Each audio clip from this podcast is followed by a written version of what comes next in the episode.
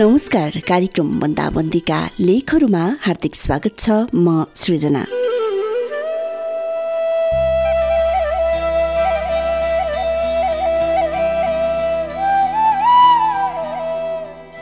आज एउटा प्रश्न गर्छु उत्तर तपाईँ आफैले सुन्ने गरेर दिनुहोस् है। मैले तपाईँको उत्तर नसुने पनि तपाईँ उत्तर आवाज निकालेरै दिनुहोस् है रमाइलो हुन्छ पक्का पनि। यो पट्यार लाग्दो लकडाउनको दैनिकी बोरिङ निरस। यो बोरिङ दैनिकीमा थोरै उत्साह थोरै मनोरञ्जन केले गरायो? साथीको म्यासेजले अथवा नचिनेका मान्छेहरूसँग गरिएको च्याटले नचिनेका मान्छेहरूसँग म्यासेज आदान प्रदान गर्नुभयो कि भएन? यो प्रश्नको उत्तर तपाईँ आफैले सुन्ने गरेर दिनुहोस्। आज बन्दाबन्दीका लेखहरूमा यस्तै एउटा कथा सुनाउँछु। नचिनेका मान्छेहरूको रमाइलो म्यासेजको कथा। सेतो पार्टीबाट साभार गरिएको कोरोनावाली शीर्षकको लकडाउन डायरी आजको कार्यक्रम बन्दाबन्दीका लेखहरूमा।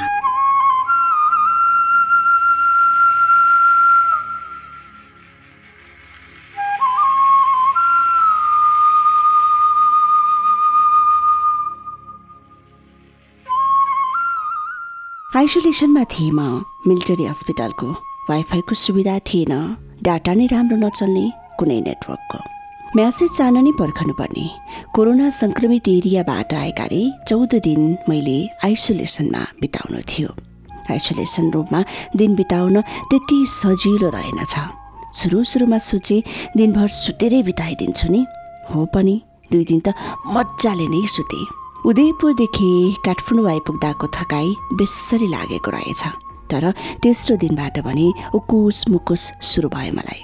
एनसेलको डाटा लिएर चलाउन थालेको थिएँ। फेसबुकमा एउटी केटीको फ्रेन्ड रिक्वेस्ट आयो।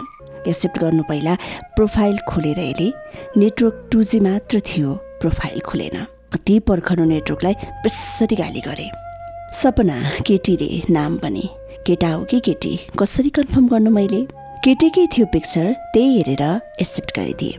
Thank you for accepting me message पठाएँ। वेलकम मैले लेखेँ। आइसोलेसनको बसाइ कस्तो छ नि हजुरको? उसले पठाए। मलमल्ल परे। पक्कै कोही छिनेकै हुनुपर्छ। म फेरि प्रोफाइल हेर्नतिर लागेँ हजुर आइसोलेसनमा भएको हजुरको प्रोफाइलबाट थाहा पाएँ। हजुरलाई म चिन्छु तर हजुरले सायद मलाई चिनिसिन्न होला। लामो सन्देश रोमनमा पठाए हजुरका हजुर लाएर। उसको प्रोफाइल खुलिसकेको थियो। पाँचजना त म्युचुअल साथी नै थिए। आइडी भने नयाँ थियो। केही फोटोहरू अपलोड भएका थिए तर मेरा लागि अपरिचित नै थिए उसका तस्विरहरू। हेमन्त सरको छोरीको पास्टीमा सुकेधारा पार्टी प्यालेसमा हो मैले हजुरलाई चिनेको अर्को म्यासेज आयो उसको। अब मलाई विश्वास भयो उनी हेमन्तकै कोही नातेदार थिइन्। त्यसबेला पास्नीमा हेमन्तका थुप्रै आफन्त आएका थिए।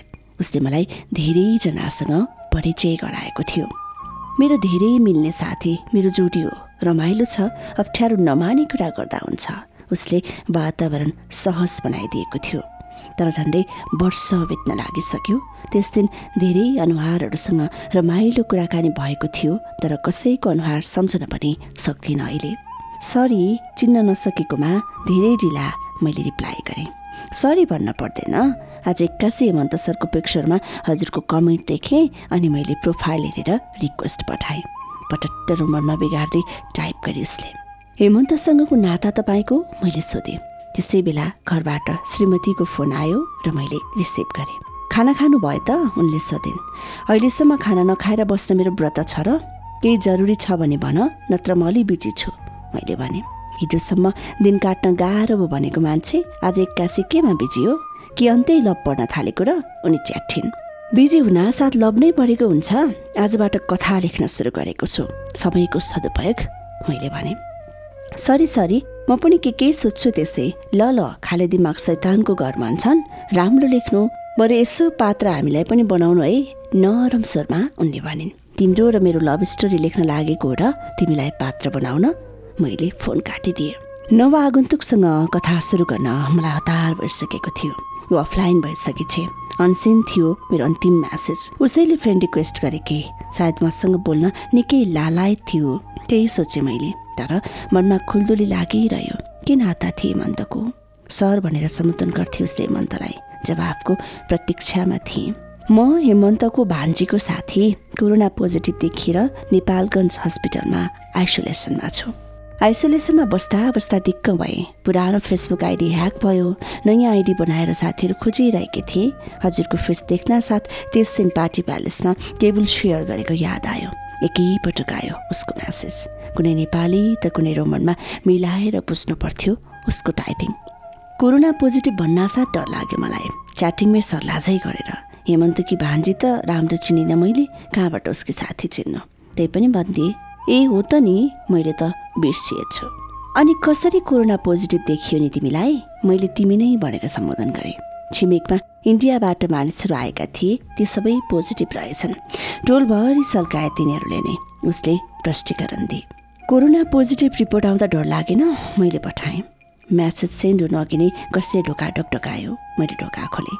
नर्स हातमा थर्मल गन बोकेर मलाई ताक्नु ठिक्क परेकी थिइन्।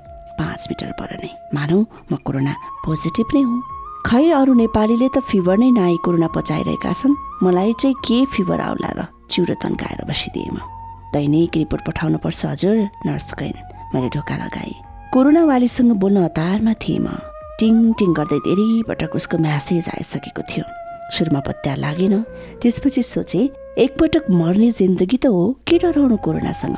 मैले हिम्मत हारेन। आजसम्म मलाई कुनै लक्षण देखिएको छैन। लाग्छ। मबाट अब कोरोना पराजित भइसक्यो। पटक पटक पिसिआरको नमुना लगिएको छ रिपोर्ट आएको छैन। अनि एउटा सिम्पल तर लोभलाग्दो फोटो पठाएकी थिए। मैले उसको फोटोमा लभ रियाक्ट गरिदिएँ। कता हराइसकेको फेरि आयो उसको म्यासेज। कतै होइन नर्स आएकी थिइन् फिभर नाप्न। नर्स भन्ने बित्तिकै उसले इमोजी पठाए। मैले केही रियाक्ट गर्न अघि नै उसले लेखेँ लभ पर्ला नि फेरि नर्ससँग। नर्ससँग होइन तिमीसँग चाहिँ पर्ला जस्तो छ। पाएको मौकाको मैले सदुपयोग गरेँ। ऊ अलप भई सायद कुनै काममा बिजी भयो होला ऊ अफलाइन देखेँ। आइसोलेसनको चौथो दिन थियो मेरो। ऊ अब मेरो समय कटाउने गजबकी साथी भएकी थिए न हिचकिचाइकन बोल्थे जे सोधे पनि जर्को नमानी रिप्लाई गर्थे। खै किन हो? ऊ आवश्यकताभन्दा बढी नै मसँग नजिकै थिए डाटा नचलेको बेला उसले थुप्रै म्यासेजहरू पठाइसकेकी हुन्थे। कहिलेकाहीँ रमाइला कोटेसनहरू फरवार्ड गर्थे। अनि केही रमाइला भिडियोहरू। उसले पठाएका भिडियोहरू रातमा डाटा राम्रो चल्दा सबै हेर्थे र कमेन्ट गर्थे। समय कटेको पत्तै हुन छाड्यो। बेला बेला घरवालीको फोन आउँथ्यो। कथा लेख्ने बेला कति डिस्टर्ब गरेको भनेर कुरा छुट्याइदिन्थे। गुड मर्निङ सर आज त नेपालमा कोरोना वात्तै बढ्यो नि। न्युज सुनेछु हजुरले। नेपालगञ्जमा पनि कति धेरै भेटिएको छ। हस्पिटल पनि अब प्याकोला जस्तो छ। उसले बिहानै म्यासेज छाडे। त्यस दिन रातमा अबेलासम्म मुभी हेरेकाले बिहान आठ बजे नास्ता आउँदा उठेको थिएँ। ऊ अफलाइन भइसकेकी थिएँ। Good morning how are you today? Be careful message छाडिदिएँ मैले। त्यस दिन अबेलासम्म ऊ अनलाइन देखा परेन। उसँग हराउने बानी परिसकेको थिएँ म। उसलाई अनलाइनमा नदेख्दा अनौठो छटपटी सुरु भयो मलाई। त्यत्तिकै कोठामा दिन काट्न गाह्रो भयो। झन् गाह्रो महसुस गर्न थालेँ। नबदलिएको सपना शीर्षकको कथा आधा मात्र भएको थियो। डायरी निकालेर पुरा गर्ने कोसिस गरेँ। घरबाट श्रीमतीले फोन गरिरहन्थिन् के छ? कस्तो छ? कसरी दिनहरू बिताइरहनु भएको छ? खानपिन कस्तो छ? कथाले कस्तो मोड लिइरहेको छ? उनले सोधिन्। नबदलिएको सपना शीर्षकको कथा आज सक्ने सोचमा छु। त्यसै बोर लागिरहेछ मैले भने। किन टेन्सन नि बुढा? सपना लेखे नि विपना लेखे नि लेखिरहनु। उनले भनिन्। ल ल सिकाउनु पर्दैन। मैले फोन काटेँ। दिउँसो अबेरसम्म कोरोनावाली देखा परेन। सायद आज नेपालगञ्ज हस्पिटल अलिक बढी प्याक भयो होला। विविध कामले अनलाइन आउन फुर्सद पाइन होला। केही सोचे र धेरै पटक उसको प्रोफाइल हेरे सपना केटी। के हो त्यसको जात पनि? केटी लेखेकी छ। सायद अन्तर्राष्ट्रियवादी होले अनि वायो थियो मेरो जीवनमाथि मेरो अधिकार। निकै क्रान्तिकारी रहेछ।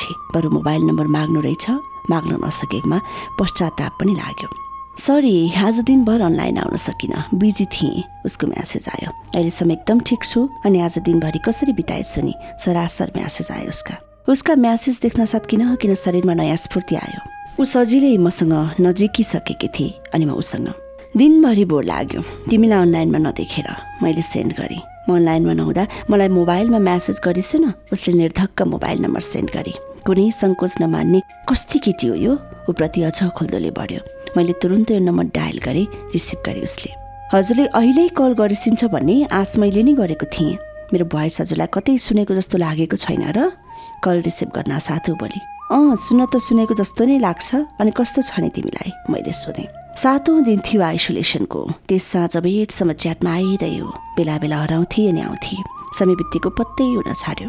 मेरो पारिवारिक कुराहरू सबै उसले प्रोफाइलमा राम्रै अध्ययन गरिसकेकी रहेछ। बेला बेला कस्तो छ म्याडमलाई भनेर सोध्थेँ। एकपटक मैले उसलाई सोधेँ अर्काको श्रीमान हो भनेर थाहा हुँदा आउँदै किन यसरी च्याटिङ गरेको त? डजन्ट म्याटर म पनि म्यारिड नै हुँ। इन्डियन डाउरी हुनुहुन्छ उहाँ जम्मू कश्मीरमा उसले जवाफ दिए। बोल्दैमा मलाई हजुरले लाने होइन होला नि? त्यो पनि मेरो जीवनमाथि मेरो अधिकार। कति खुलस्त थियो। मनमा कुनै सङ्कोच थिएन। अन्जानमै ऊ एउटी भरपर्दी साथी भइसकेकी थिए। बेला बेला मेरो फोटोमा लभ रियाक्ट गर्न थालिसकेकी थिए। भन्थे हजुरलाई भेटेर कोरोनासँग लड्न अझ मनोबल उच्च भएको छ। बाह्रौँ दिन थियो आइसोलेसनको। म धेरै अवस्थ भइसकेको थिएँ उसँग। यतिका दिनहरू कति चाँडै बिते मलाई पत्तै थिएन। टाइप गर्दा गर्दा मोबाइलका हात पनि छिटो छिटो चल्ने भइसकेका थिए। वज बढी नै क्रेजी थिए। मन्थी हजुरसँग भेट भएपछि मैले आफूलाई कोरोना लागेको पनि बिर्सिएँ म पनि घरवालीलाई बिर्सिएर कोरोनावालीसँग हराउन बानी भएको थिएँ। यस्तो लाग्दै थियो मानौ ऊ मेरी पूर्व प्रेमिका हो अनि जीवनका विभिन्न रसरङ्गहरू बाध्यता र व्यवस्थाहरू मसँग सेयर गरिरहेकी छे। डाटा चलेको थिएन त्यस दिन मोबाइलमै म्यासेज आयो। यति बेला हजुरलाई धेरै मिस गरिरहेको छु। दुई पटकको मेरो पिसिआर रिपोर्ट नेगेटिभ आयो नि अब लास्ट भोलि एकपल्ट टेस्ट गर्ने अनि नेगेटिभ आएमा डिस्चार्ज गर्ने। डाक्टरले भन्नुभयो। म्यासेज पढेपछि साह्रै खुसी लाग्यो। ओजन कति खुसी भयो होला। बधाई छ तिमीलाई नयाँ जीवन पाएकोमा। कति भाग्यमानी छ है त्यो लाउरे जस्तै तिमी जस्तै निडर र साहसी जीवन साथी पाएको छ। मैले रिप्लाई गरिदिएँ। साँझ डाटा अन गरेँ उसका थुप्रै म्यासेज आएर खात लागेका थिए। पढ्दै थिएँ फेरि पठाएँ। हेरि सुन त्यो लाउरेले अहिलेसम्म मलाई बधाई दिएको छैन।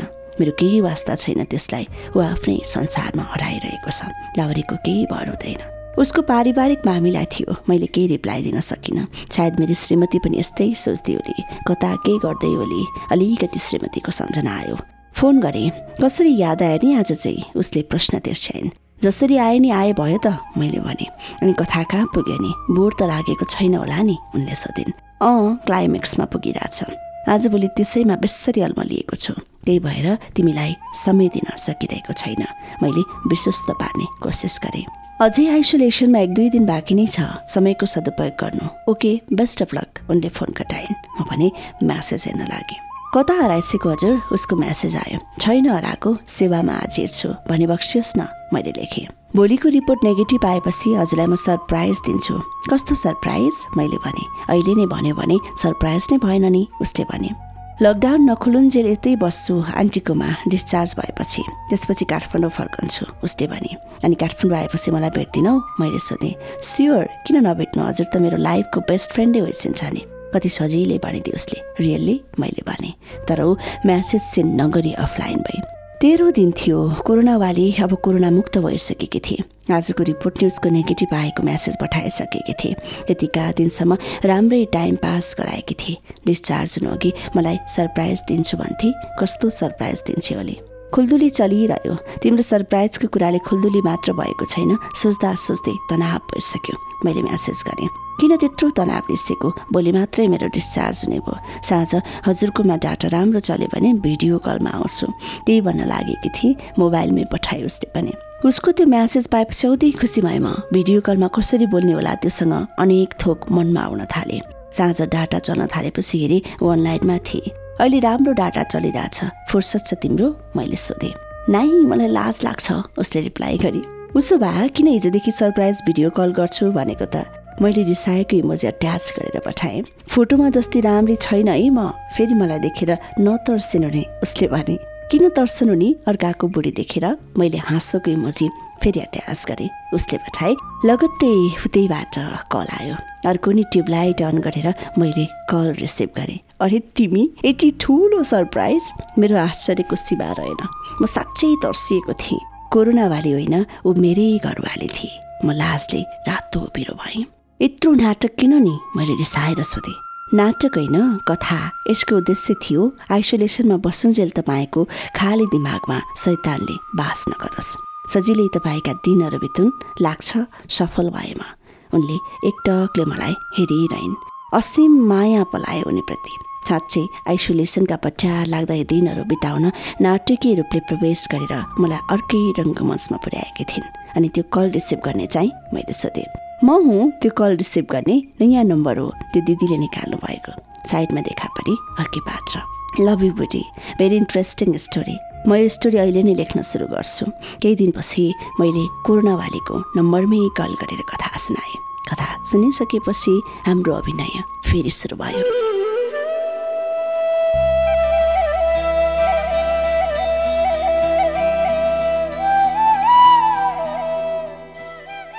कार्यक्रम बन्दाबन्दीका लेखहरूमा कोरोनावाली शीर्षकको राजन राउतले लेख्नु भएको कथा। आजको कार्यक्रममा प्रस्तुत गरे श्रोता भोलि फेरि यस समयमा अर्को एउटा लेखसहित उपस्थित हुनेछु। यतिन्जेलसम्म सुनेर साथ दिनुहुने तपाईँ सम्पूर्ण श्रोताहरूलाई विशेष धन्यवाद अनि प्राविधिक मित्र प्रहलादलाई विशेष आभार भन्दै बिदा हुन्छु। नमस्कार।